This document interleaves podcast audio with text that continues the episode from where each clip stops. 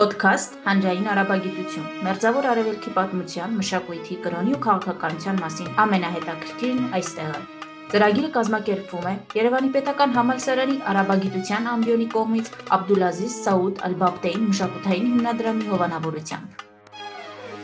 Ողջույն սիրելի ունկնդիրներ, ես Նահերա Սահակյանն եմ եւ ձեզ հետ ԵՊՀ արաբագիտության ամբիոնի հանրային արաբագիտություն ոդքասթն է։ Մեր հյուրը այսօր UCLA-ի Promise հայկական ինստիտուտի postdoctoral հետազոտող Սոնատ Հաջիրյանն է։ Ողջույն Սոնա, շնորհակալ եմ հրավերն ընդունելու համար։ Ողջույն Նայրա ջան, շնորհակալություն հրավերքի համար։ Այսօր շանդրադառնալու ենք մի թեմայի, որը ոչ միայն հայ ժողովրդի պատմության մեջ, ընդհանրապես պատմության մեջ շատ քիչ ուսումնասիրված թեմա է, որի վերաբերյալ Սոնան դոկտորական աշխատանք է գրել եւ խոսքը վաղ արդի շրջանում ադամանդի եւ այլ թանկարժեք քարերի համաշխարային քարավանային եւ ծովային առևտրին է վերաբերվում եւ այն դերին, այն մրցակցությանը, որին մասնակցում էին հայ վաճառականները, խոսքը նոր ջուղայի հայ վաճառականների մասին է, եւ գուցե հենց առաջի հարցը լինի այն, թե ինչ էր իրենից ներկայացնում այս նոր ջուղայի առևտրական ցանցը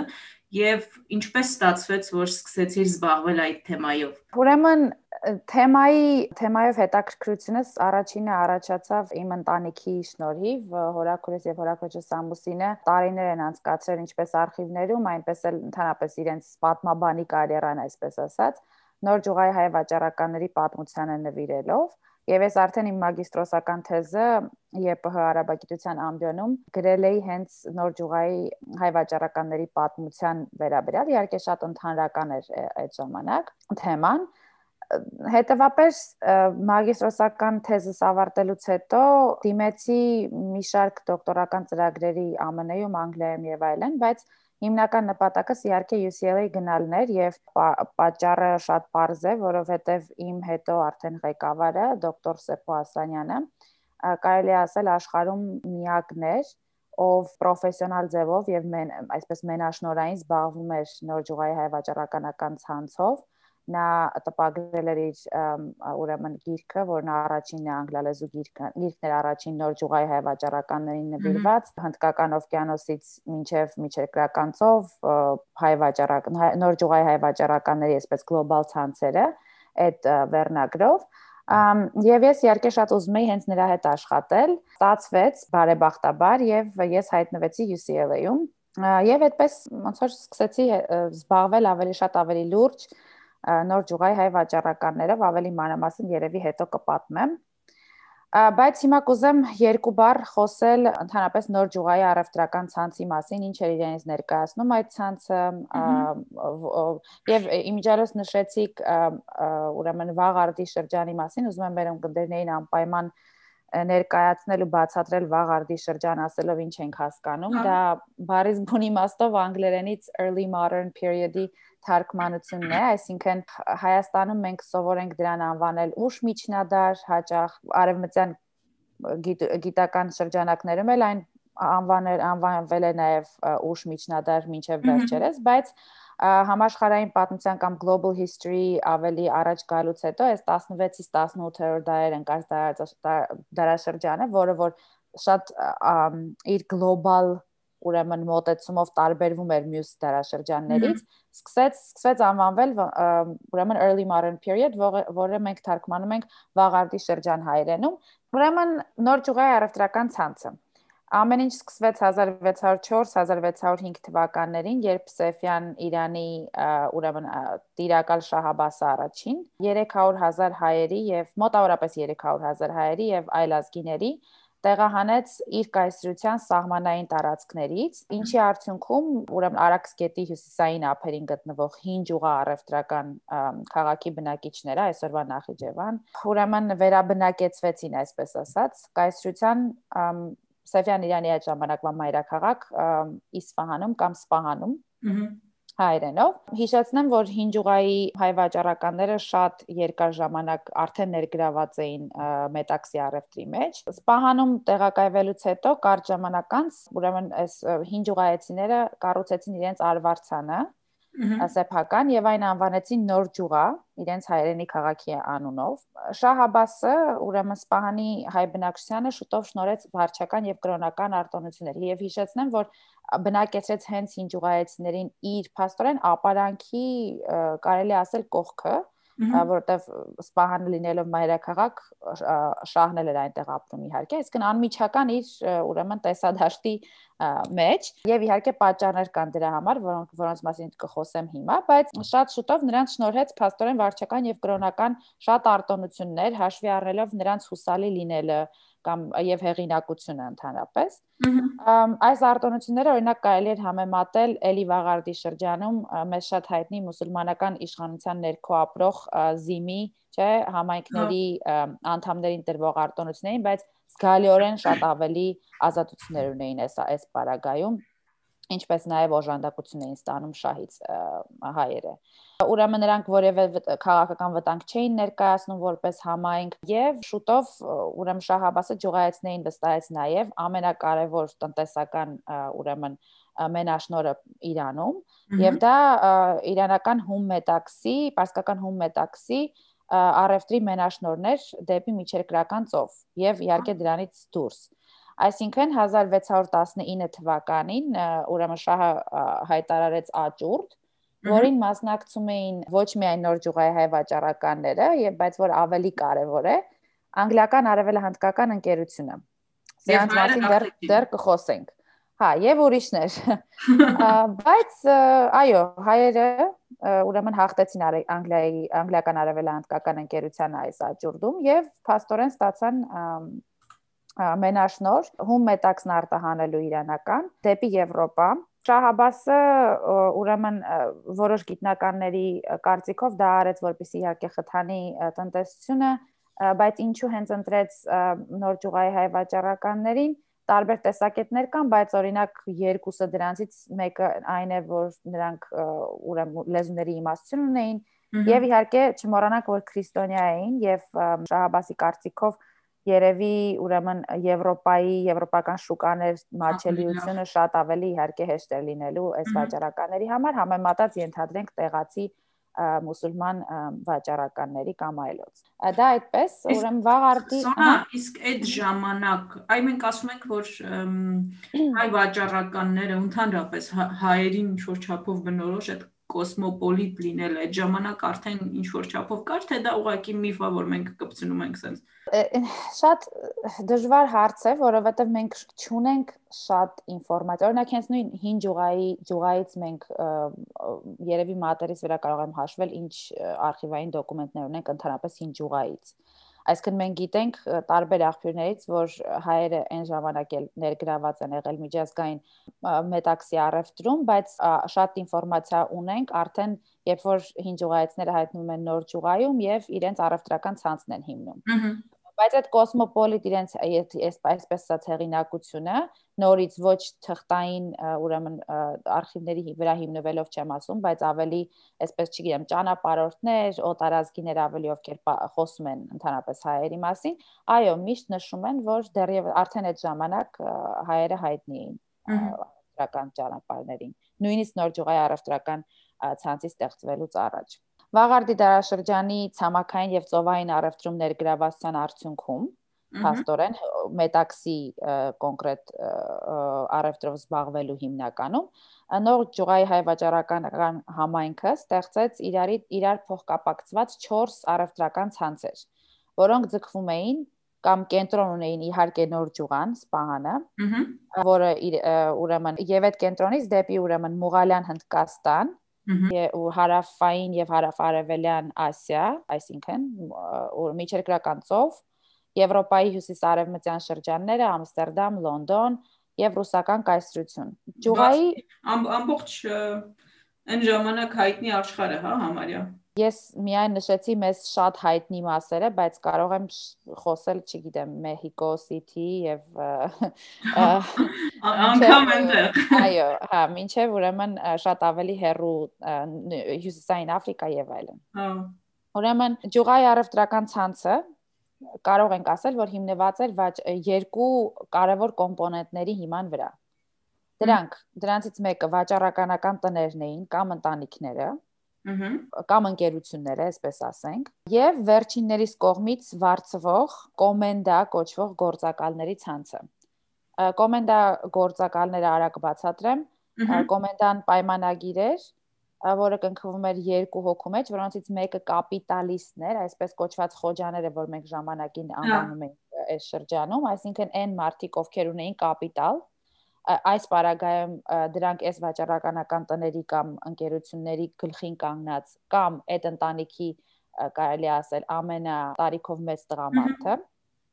եւ մի գործակալի, որը որպես օրենք վաճառական էր արդեն լինում պայմանագիրը կնքելու ժամանակ, այսինքն ինչ որ փորձեր ունենում որպես օրենք, միջև կնքվող պայմանագիր էր, որտեղ այս գործակալը ստանում էր կապիտալ, որպիսի գնար ամբողջ աշխարհով պատտվեր, առևտուր աներ, շահույթ ստանար իր խոջայի համար։ Խոջան երբեք չէր ճանապարհորդում։ Խոջան երբեք չէր իրեն, այսինքն այն մարդը, որ ուներ դրամը, դրամագլուխը չէր ինքը ճամփորդում, բայց հնարավոր է եւ մենք արդեն գիտենք օրինակ այս պահին, որ այդ նույն խոջաները իհարկե իրենք իրենք արդեն ժամանակին եղել են այդ նույն գործակալները։ Եվ հետո կոմենդայի պայմանագիրը նաև շատ բարձ նշում էր թե ինչ ինչ ժամանակով պիտի ես առևտրի առևտրային գործունեությունը լինի եւ իհարկե հետ վերադառնալուց գործակալի շահույթը ինչպես պիտի բաժանվի ավելի մանրամասն չեմ ուզում դրա մասին խոսել, որտեղ շատ երկար թեմա է։ Այս կոմենդայի հետ կապված մի այսպիսի փոքր հարց։ Լեյդենի համալսարանը մի on-line կուրս ուներ, կոչվում էր կարծեմ Islamic City, ոնց որ թե այդպես էր կոչվում, այ Բաղդադի մասին խոսելուց ելի էս նույն համակարգն էր գործում։ Իսկ այստեղ այսինքն դա ինչքանով էր բնորոշ հայերին կամ ինչքանով էր մերձավոր արևելյան կամ ինչքանով էր համաշխարային ըստ երևույթին ավելի համաշխարային եւ եւ այս դեպքում մենք ինչ դեր ունեինք այդ այդ համակարգի կայացման մեջ կամ ունեինք թե չունեինք կոմենդա կոմենդա պայմանագիրը եթե կարճ փորձեմ պատասխանել ոչ միայն հայերին բնորոշ չէր եւ հայերը իհարկե փոխարել էին այս պայմանագրի տեսակը իրենց իրենց շրջապատ շրջապատ շրջապատող աշխարից այսինքն իսլամից, նաև Եվրոպայից եւ այս հարցը դեռևս քննարկվում է գիտնականների կողմից, բայց նշենք, որ հայկական կոմենդան մի քիչ տարբերվում էր եւ կոչվում էր ընկերագիր նոր ջուղայի բարբարում։ Ուրեմն այս երկու փաստորեն հիմնակայերի վրա կենտրոնանալով վաճառականական տներ եւ գործակալներ նոր ջուղայի հայ վաճառականները կարողացան պահպանել իրենց առևտրային ցանցը ավելի քան 1.5 դար այս ժամանակահատվածում նրանք դարձան նշանավոր վաղարդի շրջանի ճակերտավոր առևտրային սփյուռք կամ trade diaspora անգլերենում ում ցանցը տարածվում էր բոլոր 3 եւ նորից մեջբերում եմ վառոդային կայսրությունների կամ gunpowder empire-ների Սեֆյան Իրանի, Մուղալական Հնդկաստանի եւ Օսմանյան կայսրությունների տարածքում իսում մինչև ռուսական կայսրություն, ինչպես նաև վաղարդի շրջանի բոլոր եվրոպական ծովային կայսրությունները, լինի դա անգլիականը, հոլանդականը, պորտուգալականը եւ այլն։ Ուրեմն այս ցանցը նոր ջուղայի հայ առևտրական ցանցը գոյատևեց մինչև մոտավորապես 1745-ից 1747 թվականները եւ այն դաթարեց գոյություններից հիմնականում ուրեմն Նադիր շահի գահակալության ընթացքում եւ վերջինիս կողմից փաստորեն Սպահանի բնակչության վրա կիրառվող շատ ծանր հարկային քաղաքականության պատճառով եւ այստեղ պետք է արագ նշենք եւ այստեղ ես միշտ հիշում եմ մեզ շատ սիրելի պարոն Դավիթ Հովանեսյանին եւ իր ցանցապետության ուրեմն գաղափարը քանի որ այսպես մի թեզ կա այսինքն քանի որ նոր ջուղայ առևտրական ցանցը ուներ մեկ կենտրոն եւ ի տարբերություն օրինակ ուրիշ ցանցերի, որոնք իրական կենտրոն չունեն, փաստորեն ստացվում է, որ կենտրոնի կոլապսից հետո ամբողջ ցանցն էլ կոլապսի է ենթարկվում։ Այսինքն նոր ջուղայի ուրեմն նոր ջուղայի կոլապսից հետո այսպես ասած, տարբեր պատճառներով նադրիշայից հետո փաստորեն առևտրական ցանցը դադարեց գոյությունալ, իհարկե այս ընտանիքները չվերացան, տեղափոխվեցին տարբեր տեղեր, լինի Հնդկաստան, Ռուսաստան եւ այլ տեղեր։ Համենայն դեպս ցանցը, այո, ինքը դադարեց կարելի է ասել գոյություն ունենալուց։ Ինչ աղբյուրներ կան։ Ինչի նման վրա է ուսումնասիրվում։ Ուրեմն աղբյուրների հարցը երևի իմ ամենասիրելի հարցն է ու շատ շնորհակալ եմ որ գնահատել եք կարևորությունը ու այս հարցն ընդգրկել եք, որովհետև իմ կարծիքով մեր հասարակությունը առավել եւս իհարկե գիտական շրջանակները ամենակարևորը պետք է տեղեկացված լինեն այս թեմայով Ուրեմն երկու կոմպոնենտ կա շատ կարևոր, որոնք աղբյուրների մասին զրույցում պետք է քննարկել։ Եվ առաջինը դա աղբյուրների մեծամասնության լեզվական առանձնահատկությունն է կամ լեզուն, որով այս աղբյուրները գրված են։ Եվ երկրորդը աղբյուրների տեղակայությունը, կարևորությունը համաշխարհային կոնտեքստում եւ այլն բայց առանց ուրեմն սրանց այս աղբյուրների լեզվական առանձնահատկությունների մասին խոսելու ինձ թվում է չենք կարող հասկանալ ինչ է իրենից ներկայացնում նոր ջուղայի հայ վաճառականությանը վերաբերող բոլոր արխիվային դոկումենտները, որ կան աշխարհում եւ դրանք եթե ոչ տասնյակ հազար, ապա հազարավոր են առնվազն առնվազն Ուրեմն աղբյուրների հարցը ուժեղ կա մեծ կապակ մեծ կապ ունի նոր ջուղայի բարբարի առանձնահատկության հետ։ Եվ երբ որ ես հիմա նշում եմ նոր ջուղայի բարբար, հիշեցնեմ բոլորին, որ ես հիմնականում միշտ նկատի ունեմ նոր ջուղայի վաճառականական լեզուն։ Այսինքն նոր ջուղայի հայ վաճառականների գրավոր կամ խոսակցական, չգիտենք վստահորեն, լեզուն, որը շատ տարբերվում էր նոր ջուղայի բարբարից ընդհանրապես, որի ուսումնասիրությունն արել է Հրաչյա Աճարյանը իր քննություն նոր ջուղայի բարբարի աշխատությունում, որը 1940 թվականին է տպագրվել, բայց կարող եմ ասել, որ օրինակ վաճառականական բարբարով զբաղվողների համար այս աշխատությունը ցավոք նվազ օգտակար է, քանի որ այն տեքստային ֆոնդը, որը Աջարյանն օգտագործել է նոր ջուղայի բարբարի բարբարի ուսումնասիրության համար, ընդհանրապես չի չի ընդգրկում որևէ վաճառականական թուղթ, Պարզ պատճառով դրանք ուղակի չկային։ Հայտնի չէին։ Այսինքն ինչ էր նոր ջուղայի վաճառականական բարբառը ինքը իհարկե շատ նման էր ընդհանուր բարբառին այսինքն վստահ եմ որ եթե նոր ջուղայի բարբառը կրող մեկը լինի ապա վաճառականական բարբառից բավական ուրեմն կհասկանա բարբառեր, որը օգտագործում են եւ այս ամբողջը իմիջիալոց թեզեր են, մենք ոչինչ 100% վստահությամբ չգիտենք, բայց սա մի բարբառ էր, որը օգտագործում էր զուտ նոր ջուղայի վաճառականական ցանցի մարդկանց կողմից։ Մենք գիտենք, որ սա գրավոր էր իհարկե, քանի որ մեզ հասել են գրավոր փաստաթղթերը թե ինչ ինչ էր, ինչ լեզվով էին խոսում իրար մեջ, այսինքն բանավոր լեզուն մենք իհարկե չգիտենք, բայց կարող ենք ենթադրել, որ երևի նման ինչ որ էլի էս վաճառականական բարբարով Օրինակ կարող են մեկը շատ անգամ հարցնում են, եթե դա գախնի բարբար էր, մենք չգիտենք, բայց ամենայն հավանականությամբ ոչ, ուղղակի հարմարեցված էր իրենց այսպես կոչված բիզնեսին հարցնում են նաև եթե օրինակ նույն ժամանակակիցները այս վաճառականների པարզ մարդիկ, ասենք եթե վաճառական չէին օրինակ կհասկանային այս լեզուն։ Դրա պատասխանել ես չունեմ, բայց կարող եմ ասել, որ ամենայն հավանականությամբ եթե նոր ջուղայի բարբարին դիրապետում էին, շրջափով կհասկանային։ Այդ մասամբ հա կհասկանային, բայց ուրեմն ինչով է սա տարբերվում, ունի շատ կոնկրետ վաճառականական բառապաշար։ Ահա ինքը հայրեն է համարվում բայց բառապաշարի առնվազն երևի կեսը նայած թե ինչ սկզբնաղբյուրների ենք նայում փոխառություններ են կամ այսպես հայաֆիկացված փոխառություններ են հիմնականում կարող եմ ասել պարսկերենից բայց նաև իտալերեն ֆրանսերեն լատիներեն սկրիպտով էին գրում հնդկական հայրեն իհարկե հայատար ուրեմն հնդկական լեզուներն իսկ կան թամիլերեն ես տեսել եմ եւ այլն։ Հիմա այդ այդ լեզուները միտքս եկան, արաբերեն իհարկե, բայց ամենաօգտակարը իհարկե պարսկերեն իմանալն է այս բարակայում։ Լավ, եթե մի կողմ թողենք լեզվի հարցը, որը էլի շատ երկար քննարկման հարց է, որտեղ են այս աղբյուրները գտնվում։ Հա, եւ մոռացա նշել, որ ինձ թվում է մի բան եթե ասեմ, մի մի բան նշեմ եւ հասկանալի կլինի թե ինչ խրթինության մասին ենք խոսում լեզվի աշխարհում երևի 3-4 հոգի կա այս պահին, որ կարող է կարդալ նոր ջուղայի հայ վաճառականական բարբարով գրված փաստաթղթեր եւ եթե նույնիսկ կարողանում են կարդալ մարդիկ, ապա հասկանալը լրիվ ուրիշ ուրեմն ուրիշ հարց է եւ միգուցե եւ հենց դա է պատճառը, որ հատուկ են մարդիկ են ուսումնասիրում, հա, որովհետեւ Իհարկե լեզուն առաջի անհնար է 30 լեզու իմանալ, որպեսզի հասկանաս մի տեքստ եւ նույնիսկ եթե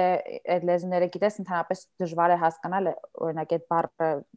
հայերեն է, թե ինչ որ ուրիշ լեզվով է, որ դու նույնիսկ չես պատկերացնում։ Եթե հետաքրքիր ավելի շատ կխոսենք, բայց այս թեման շատ կարևոր է եւ ցավոք սրտի ուրեմն ով որ ծանոթ չի այս փաստաթղթերին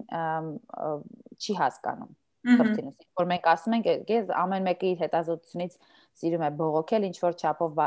նկարագրել թե ինչ բարդ է եւ այլն, բայց իրականությունն է, որ եթե չեն երբևէ կարդացել իրենց դիմաց չեն տեսել, իսկապես չեն հասկանում բարդությունը, այսինքն ավելի հեշտ կլիներ միանշանակ նույն 17-18-րդ դարերի իտալերենով գրված փաստաթղթերը ֆրանսերենով գրված փաստաթղթերը արաբերենով, պարսկերենով, սրանք մի քանի անգամ ավելի հեշտ են կարդալ, քան ուրեմն նոր ճյուղայի հայ վաճառականական բարբառով գրված փաստաթուղթ, որևէ փաստաթուղթի միջայլոց։ Լավ, որտեղ են գտնվում այս փաստաթղթերը։ Առաջինը կառանձնացնեմ ամենակարևոր ֆոնդը, ոչ ամենաթվով շատ, բայց կարևորը ըստ իս Պարսկաստանում իհարկե Իրանում Սպահանում Սուրբ Ամենափրկիչ վանքի արխիվի մասին է խոսքը, այստեղ կան հարյուրավոր ուրեմն դոկումենտներ մնացած նոր ջուղայի հայ վաճառականներին վերաբերող եւ ընդհանրապես համայնքին երկրորդը երևի կարևորությամբ կառանձնացնեի Իտալիան բայց զարմանալի չէ, որովհետև Իտալիայի որոշ քաղաքներ հայ վաճառականների համար դեռևս նոր ջուղայից առաջ արդեն ուրեմն շատ վաճառականներ ունեին այնտեղ գնացող եկող եւ առևտուրանող, այսինքն Վենետիկի Վենետիկ, Լիվորնո հիմնականում էս երկու քաղաքները, բայց նաև Ֆլորենցիա, Վենետիկի պետական արխիվ, Ֆլորենցիայի պետական արխիվ Վենետիկի Սուրբ Խաչ հայկական եկեղեցու արխիվը, իհարկե Սուրբ Ղազարի մխիթարյան միաբանությունում գտնվողները, Propaganda Fide Վատիկանում որոշ դոկումենտներ կան հենց նոր ջուղայի վաճառականներին նվիրված Պիզա, Վերոնա, Անտիվան համար են, բայց հիմնական այս ֆոնդերը ես նշեցի։ Անգլիայում երրորդը կառանձնացնեի, ուրեմն անգլիական արխիվները, բրիտանական գրադարան, պետական արխիվները National Archives, ուրեմն High Court of Admiralty, այսինքն ծովային վարչության բարձրագույն դատարանի արխիվներ, իհարկե նավերի հետ կապված հարցերն են, այստեղ օրինակ ասենք մի հայտնի նավ, որի մասին դոկտոր Ասանյանը օրինակ գիրք է գիրք է գրում, դա ուրեմն Սանտա Կատայինա կոչվող նավն էր, որը որ 1748 թվականին օրինակ կոնֆիսկացվել է Հնդկաստանում բրիտանական ծովային վարչության կողմից եւ հետո ուրեմն այս սրա վրա գտնվող այս նավի վրա գտնվող ուրեմն հարյուրավոր նամակներ եւ այլն, որոնք իմիջիալոց պատկանում են այն առևտրական ընտանիքին հիմնականում, որի որի մասին ես հետազոտություն եմ անում։ Օրինակ, այս նույն այս նավի վրա գտնվող արխիվային դոկումենտները ամբողջությամբ գտնվում են Անգլիայում, Օքսֆորդ համալսարանի Բոդլեյան ուրեմն հավաքածուն եւ այլն։ Ֆրանսիա, Փարիզ, Մարսել, իհարկե Ամստերդամ, նույնիսկ վերջերս Քադիզ, Իսպանիա, Սկանդինավյան երկրներ, արևելաեվրոպական երկրներ, իհարկե Ռուսաստան, Ռուսաստանի պարագայում օրինակ շատ ծայրահեղ քիչ քանակությամբ արխիվային դոկումենտներ կան մի մի այսպես մի 100-ի չափ երևի այսպես տպագրված անթիվան համար են վստահ եմ բայց դեռ ոչ մեկի ձեռքը չի հասել այսպես ասեմ ուղակի չեմ էլ պատկերացնում եւ եւ այլուր Այսինքն ես մոտավորապես հասկացա այսպեսի մի բան, որ թեման, եթե դեռ շարունակեն զբաղվել, բազմաթիվ հարցեր կան, որոնց կարող են անդրադառնալ։ Ուրեմն ես ըստ էության արագ նշեմ մի բան, որ մոռացա իհարկե Հայաստանի ուրեմն մատենադարանում իհարկե մենք ունենք նաև փաստաթղթեր, բայց այս առումով իհարկե կարևոր մի քանի փաստաթուղթ հատկապես ունենք, բայց այս առումով իհարկե Հայաստանը երևի ամենա ճակերտավոր անհետաքրքիր վայրն է նոր ջուղայի հայ վաճառականների մասին թղթեր Այսինքն, այս թղթերը գտնվում են բոլոր այն տեղերում, որտեղ այս մարդիկ վաճառականությամբ են զբաղվել։ Զարմանալի չի։ Հայաստանում չեն զբաղվել, ուրեմն ոնց որ թղթերն էլ փաստորեն շատ քիչ են Հայաստանում։ Եվ բացի այդ պետական ապարատի մասին էլ է պետք չմոռանալ, որ ցանկացած արխիվ գոյանում է, երբ որ աշխատում է ինչ-որ ապարատ։ Մեր պարագայում դա անում է եկեղեցին կամ արել է եկեղեցին դարերով։ Դրա համար էլ մենք այդ նյութերը գտնում ենք հենց եկեղեցիներում կամ եկեղեցիներին կից ինչ որ կառույցներում եւ ոչ թե պետական ինչ որ արխիվներում։ Չեն կարող համեմատել Բրիտանիայի հետ օրինակ։ Այս դեպքում Ահա, լրիվ ուրիշ հարց են, դրա մասին ես մի երկու բառ կխոսեմ մի քիչ հետո, բայց վստահաբար ճիշտ է, նայրա, որովհետև ուրեմն այ օրինակ ինչ որ թղթեր ունենք մենք Մատենադարանի կաթողիկոսական ֆոնդում հենց այդ նույն պատճառով որպեսի քարին որ հավաքագրվել է կամ օրինակի համար հայտնի Գերակ Միրման ընտանիքից ունենք փաստաթուղթ, որը ուղակի նվիրաբերվել է Մատենադարանին, Կոստան Ճուղայեցու ուրեմն աշխարհաժողովի մի օրինակ կամ Մատենադարան եւ այլն, այսինքն բայց այսպես այո, ասենց սիստեմա սիստեմային հավաքածու չի իհարկե Հայաստանում շատ པարս պատճառով, որովհետեւ 16-ից 18-րդ դարի մասն ենք խոսում չկա պետականություն եւ այլն։ Ուրեմն իսկ թեմայի հետ կապված չեմ չափազանցնի, եթե ասեմ, որ Եթե հիմա 200 ատենախոսություն գրել ցանկացող լիներ, ուրեմն հենց հիմա իմ դիմաց, երևի հեշտությամբ մեկ օրվա մեջ բոլորը թեմա կարող էին գտնել եւ նույնիսկ մոտավորապես նույնիսկ մակերեսային մենք չէինք կարողանա մակերեսը այսպես քերել նույնիսկ նոր ջուղայի հայ վաճառականության պատմության ուրեմն հետ կապված այս վաճառականներն իրեն ինչ ինչ էին վաճառում մենք ասում ենք որ գնում էին աշխարհի մի ծայրից մյուսը, մետաքսը հասկացանք, որի մենաշնորը փաստորեն շահի ժամանակ ստացել էին, ուրիշ ինչ էին վաճառում, ովքեր էին այս ապրանքը գնում, դրան պատասխանելուց առաջ մի բան էլ արագ ուրեմն հիշեցի, որ պետք է անպայման նշել հատկապես մատենադարանի հետ կապված, ասեմ, որ եւ սա նաեւ սկզբնաղբյուրների հետ է կապված, այս բոլոր ուսումնասիրությունները, այս տեղեկությունները, որ մենք ունենք ընդհանրապես այս արխիվների եւ այլնի մասին, այս բոլորը սկսվել է եւ տեղեկություններ մենք ունենք ընդամենը 1980-ական 90-ական թվականներից, այսինքն վերջին 30 տարվա մասին ենք մենք խոսում։ Եվ ինչպես է սկսել, երբ որ ուրեմն մատենադարանի Մատենադարանի աշխատակիցներ Լևոնը Խաչիկյան, որ հետո ղեկավարն էր նաև Մատենադարանի, նրա աղջիկը Շուշանը Խաչիկյան, ինչպես նաև Հակոբ Փափազյանի եւ նրանց եւ նրանց բոլորի գիտական թիմերի աշխատասիրությամբ 1980-ականների կեսերին եւ 1990-ականներին լույս տեսան երեք հաշվեմատյաններ։ Մեկը Հովանես Տեր-Դավթյան ջուղայեցու Լիսաբոնում Պորտուգալիայում պահվող ուրեմն հաշվեմատյաններ, շահվելու ворթի Սարհատի հաշվեմատյանը, ինչպես նաև Լազարյան առևտրական ընկերության հաշվեմատյանների տպագրությունը։ Հիմա Հովանես Տերդավցյան Ջուղայեցու մասին էլի ամբողջ մի ոդքաստ կարելի է անել։ Նա ընդամենը կոմենդագործակալ էր Գերակ Միրման հայտնի ընտանիքի համար եւ հասել էր մինչեւ Տիբետ իմիջայելոց։ Եվ ինչ ինչի շնորհիվ ուրեմն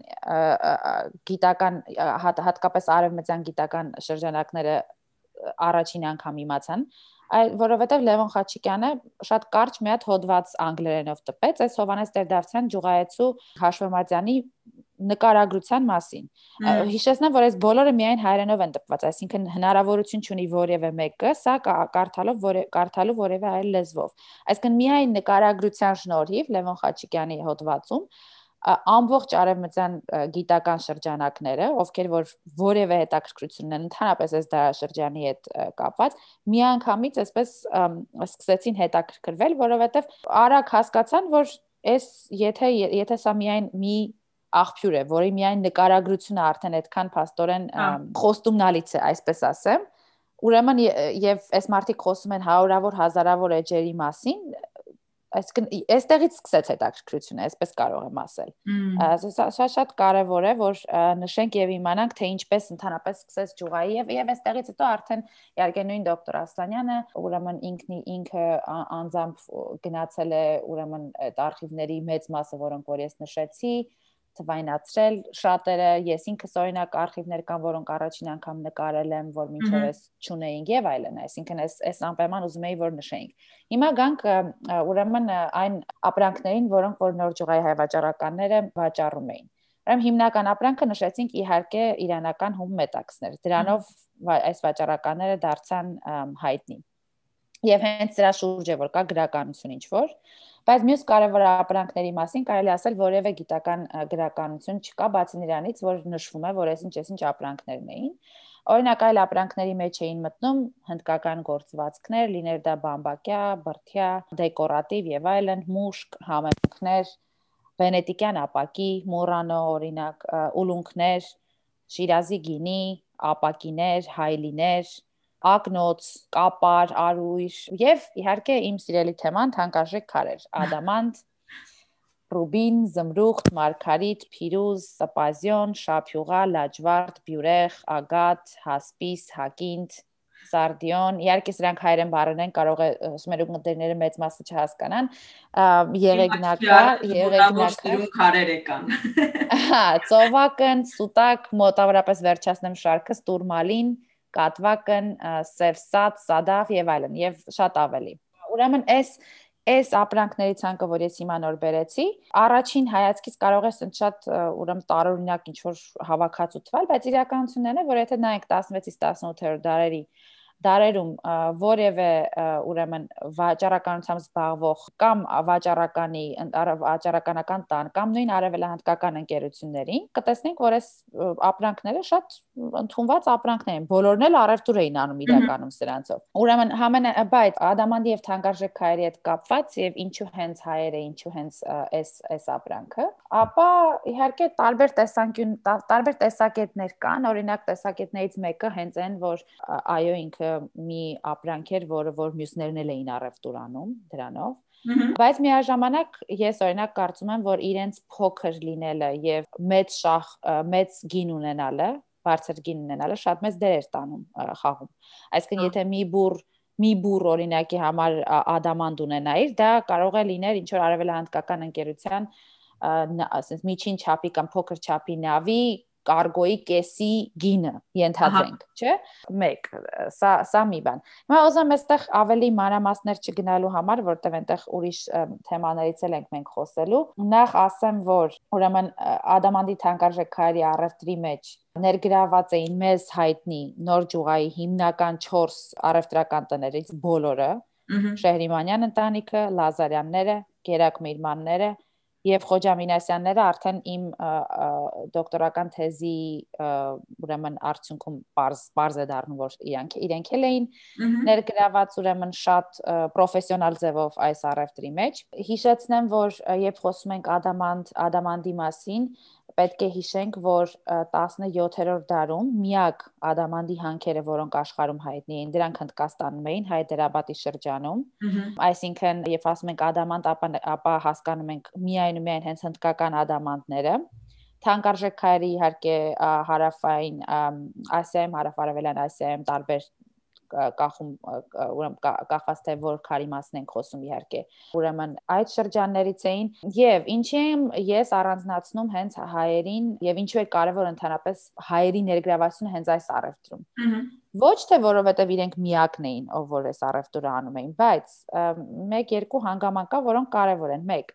որ ուրեմն այս առևտրով զբաղվում էր իհարկե անգլիական արևելհնդկական ընկերությունից նույն ժամանակաշրջանում նաև հնդկա նաև հոլանդական է խոսքը 17-րդ դարի վերջ 18-րդ դարի սկզբի մասին է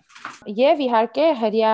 հрьяները հիմնական սեֆարդի հрьяները եւ իրենց վաճառականական ցանցը։ Հիմնական ես խաղացողների մասին եմ խոսում, ես ուրեմն համաշխարհային շուկայում եւ խոսքը գնում է հնդկական թերակղզուց դեպի միջերկրական ծով հիմնականը, որովհետև Եվրոպան էր, որ հետաքրքրված էր այս թանկարժեք քարերով։ Ուրեմն այս առևտրի մասին ենք մենք խոսում բայց մեկ արևելահնդկական ընկերությունը անգլիական իր գործակալներին ժամանակաժամանակ թույլ էր տալիս, որ այս առևտրով զբաղվեն, ժամանակաժամանակ չէր թույլ տալիս, որ այս առևտրով զբաղվեն։ Եվ հрьяաների մասնակցությունը շատ հաճախ մենք հենց այդ պրիզմայով ենք տեսնում արևելահնդկական ընկերության արխիվների մեջ, իրենք շատ են երևում։ 1 Երկրորդը Սեֆարդի հրեաները, որոնց մասին ամբողջ մի աշխատություն է գրել Ֆրանչեսկա Տրիվելատոն, եւ ինչ որ մենք ես ասում եմ, այն ինչ որ մենք հիմա գիտենք, շատ հնարավոր է որ չգիտեմ 5 տարուց շատ ավելի շատ տեղեկություն ունենանք, բայց այս պարագայում մենք ամենաշատը գիտենք այն ժամանակաշրջանի մասին, ավելի ուշ ժամանակաշրջանի մասին, սա 1720-30-ականներից հետո ընկած ժամանակն է, երբ որ արդեն Բրազիլիայում էլ էին ադամանդի հանքեր գտնվել։ Եվ օրինակ Ֆրանչեսկա Տրիվելատոյի աշխատությունը Սեֆարդի հрьяաների հետ կապված հենց այս բրազիլական հիմնականում բրազիլական ադամանդներին է վերաբերում, որոնք Պորտուգալիայով հասնում էին մինչև մի խոսքով Գոա Գոա ճանապարհ Գոայի ճանապարհով էին շրջանառվում։ Իսկ այստեղ այս ժամանակաշրջանը, որտեղ ես եմ ուսումնասիրում 1680-ականներից մինչև 1720-ականներ, մենք շատ ինֆորմացիա չունենք ու փաստորեն այս նոր ջուղայի հայ վաճառականների վերաբերվող սկզբնաղբյուրները այս թեմայով փաստորեն մեծ շատ կարևոր լույս են սփռում այս ժամանակաշրջանի վրա։ Խոսում ենք ժամանակաշրջանի մասին ու նաև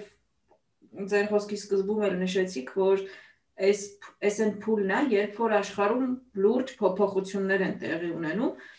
եւ փոփոխություններ, որոնք հետագայում փոխելու էին մեր պատմության ամբողջ տրամաբանությունը, հա։ Ենթադրում եմ, որ այդ փոփոխություններից մեկը նաև նավագնացության զարգացման հետ էր կապված եւ դրա հետ կապված նաև ծովային առևտրի գնալով աճի հետ էր կապված։ Այս ժամանակ կար փաստորեն քարավանային առևտրի լուրջ ցանց եւ հանկարծ հայտնվում է կամ աստիճանաբար հայտնվում է դրա կողքին նաեւ ծովային առևտուրը։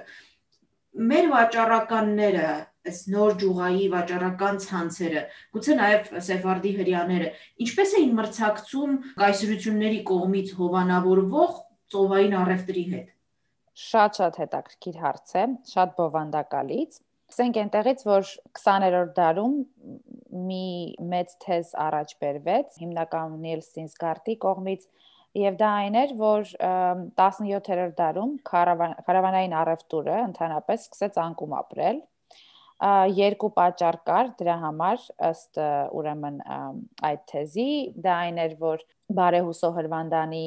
շուրջ սովային ճանապարհի հայտնաբերումից հետո Բարտոլոմե Բարտոլոմեո Դիասի կողմից պես նաև իհարկե արևելահնդկական ընկերությունների հիմնադրումից հետո օրինակ անգլիական արևելահնդկական ընկերությունը 1600 թվականին հոլանդական արևելահնդկական ընկերությունը 1602 թվականին, բայց իհարկե շատ ավելին է ավելի արևելահնդկական ընկերություններ կային, քան ուրեմն այս երկուսը, բայց այս երկու հիմնականների մասին խոսում կամ ամենամեծերի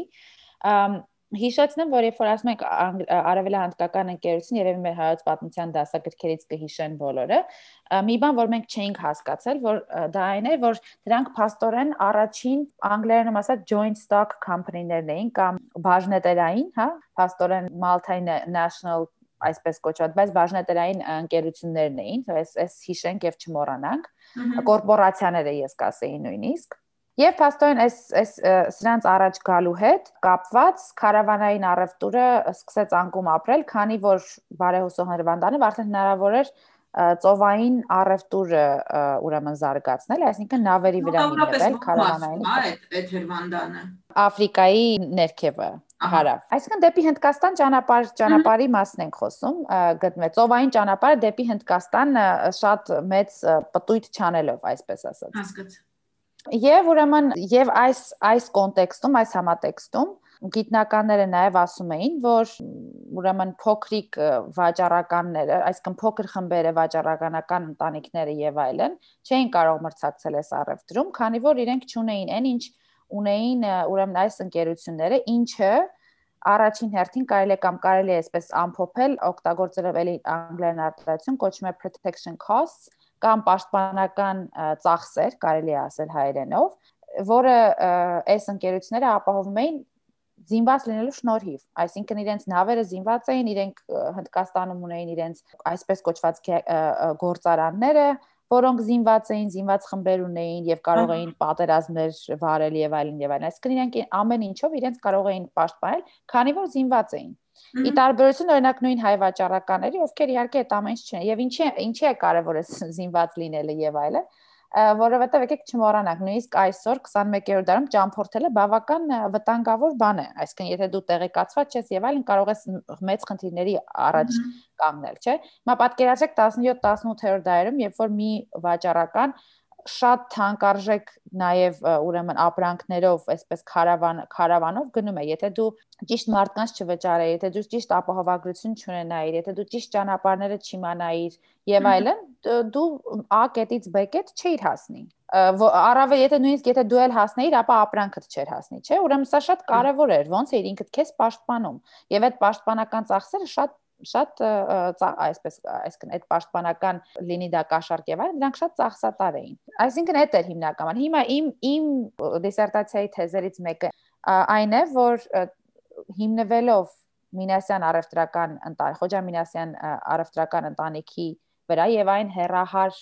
ուրեմն առևտրի, որը նրանց գործակալները իրականացնում էին։ Ես օրինակ ինչ որ չափով փաստորեն հակադրվում եմ այս թեզին, ցույց տալով, որ այո, ուրեմն նրանք զինված չէին եւ այլն, բայց ոչ միայն այդ հերահար առևտուրը կարողանում էին անել եւ բացի դրանից շատ մեծ զարգ էին տալիս հենց նույն կարավանային առևտրին, այսինքն 17-րդ դարում, 18-րդ դարի սկզբին նույնիսկ շատ շատ էին օգտվում նույն կարավանային այդ ճանապարհներից, որոնք ըստ որոշ գիտնականների փաստորեն անկում էին անկում էին ապրում, հա։ Ես բացատրում եմ օրինակի համար, որ Խոջամինասյան ընտանիքի գործակալները իրենց ղեկավարի Խոջամինասի խորհրդով օգտվում էին երկուսից էլ եւ ծովային եւ քարավանային առևտուրներից հիմնվելով նրա վրա թե որն էր էտրոպեին ավելի ապահով, ավելի ձեռնտու եւ այլն Այսինքն եթե ավելի ապահով էր, այո, 1688 թվականին օրինակ նոր ճյուղայի հայ վաճառականների մի խումբ պայմանագիր կնքեց անգլիական արևելահնդկական ընկերության հետ, որպեսզի կարողանային իրենց նավերից օգտվել եւ փաստորեն շատ ժամանակ հենց օրինակ նույն իմ Խոջամինասյան ընտանիքի գործակալները, էլի Խոջամինասի խորհրդով հաճախ իրենց ապրանքները օրինակ նույն Եվրոպայից Լոնդոնից մինչև Հնդկաստան, Սուրատ, Մադրաս, Բոմբեյ եւ այլն տանում էին հենց արևելահնդկական ընկերության նավերով ավտոմատ լուծվում էր այդտեղ այս պաշտպանական ծախսերի հարցը բայց եթե օրինակ պատերազմ կար, չգիտեմ, անգլիացիները ֆրանսիացիների դեմ էին կռվում, ծովում, ծովահեներ եւ այլն եւ այլն, շատ པարզ տեսնում եմ իմ դոկումենտներից, որ օրինակ Խոջամինասը ասում էր, այստեղով չգնաք, քա այսինչ բանով կգնաք, չգիտեմ, Իզմիրից կգնաք Վենետիկ եւ այլն, Օսմանյան կայսրության ինչ որ այսինչ քաղաքից կգնաք եւ այլն, այսինքն իրենք համատեղում էին երկուսն էլ քարավանային ու ծովային, ի տարբերություն նույն օրինակ արևելա հնդկական ընկերության, ով որ օգտվում էր միայն ծովային առևտրից, ուղիներից եւ այս պարագայում դա իրենց համար փաստորեն առավելություն էր հայերի համար հասկանալի է իսկ այս պարագայում այս հարցը ես տալիս եմ որովհետեւ տեսել եմ ձեր դիսերտացիայի ներածական մի փոքրիկ հատված, որտեղ դուք անդրադառնում եք նաև մաքսանենգության խնդրին։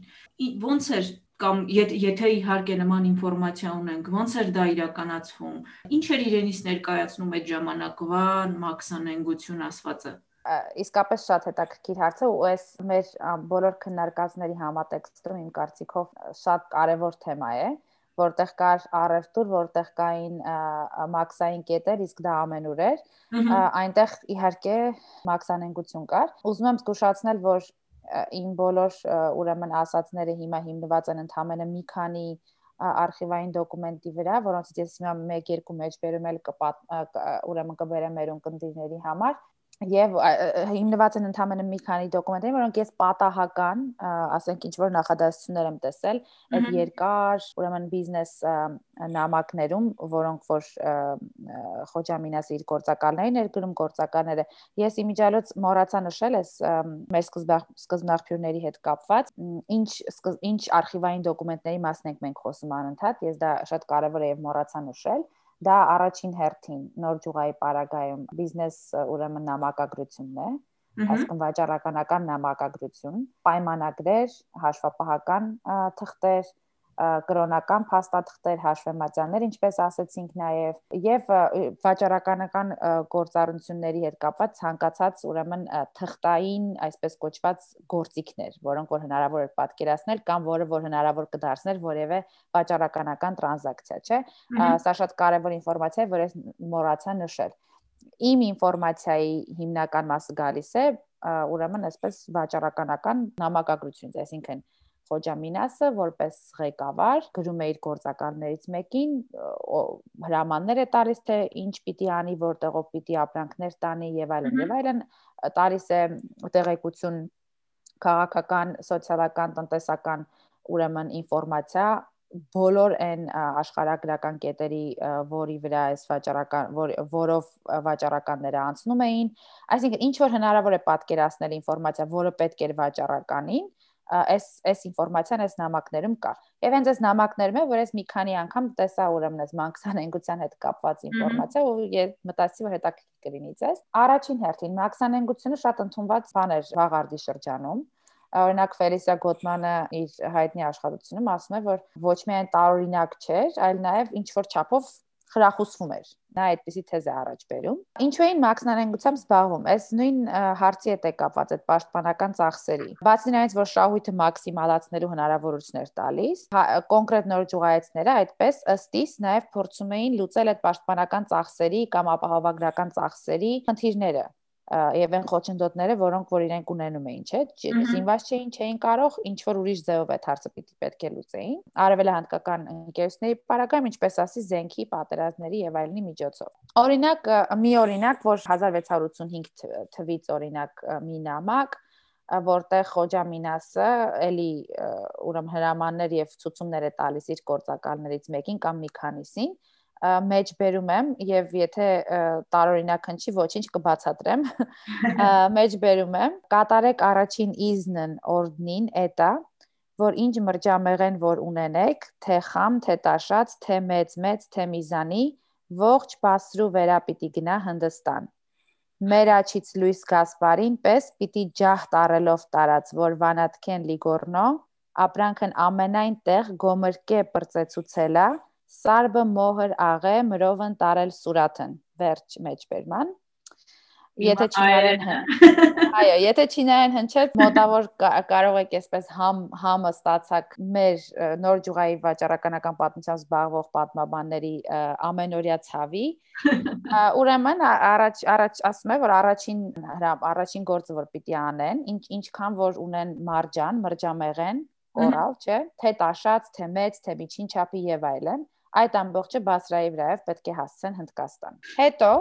ասում է, որ մեր աչքի լույս Գասպարը կամ Գասպարի պես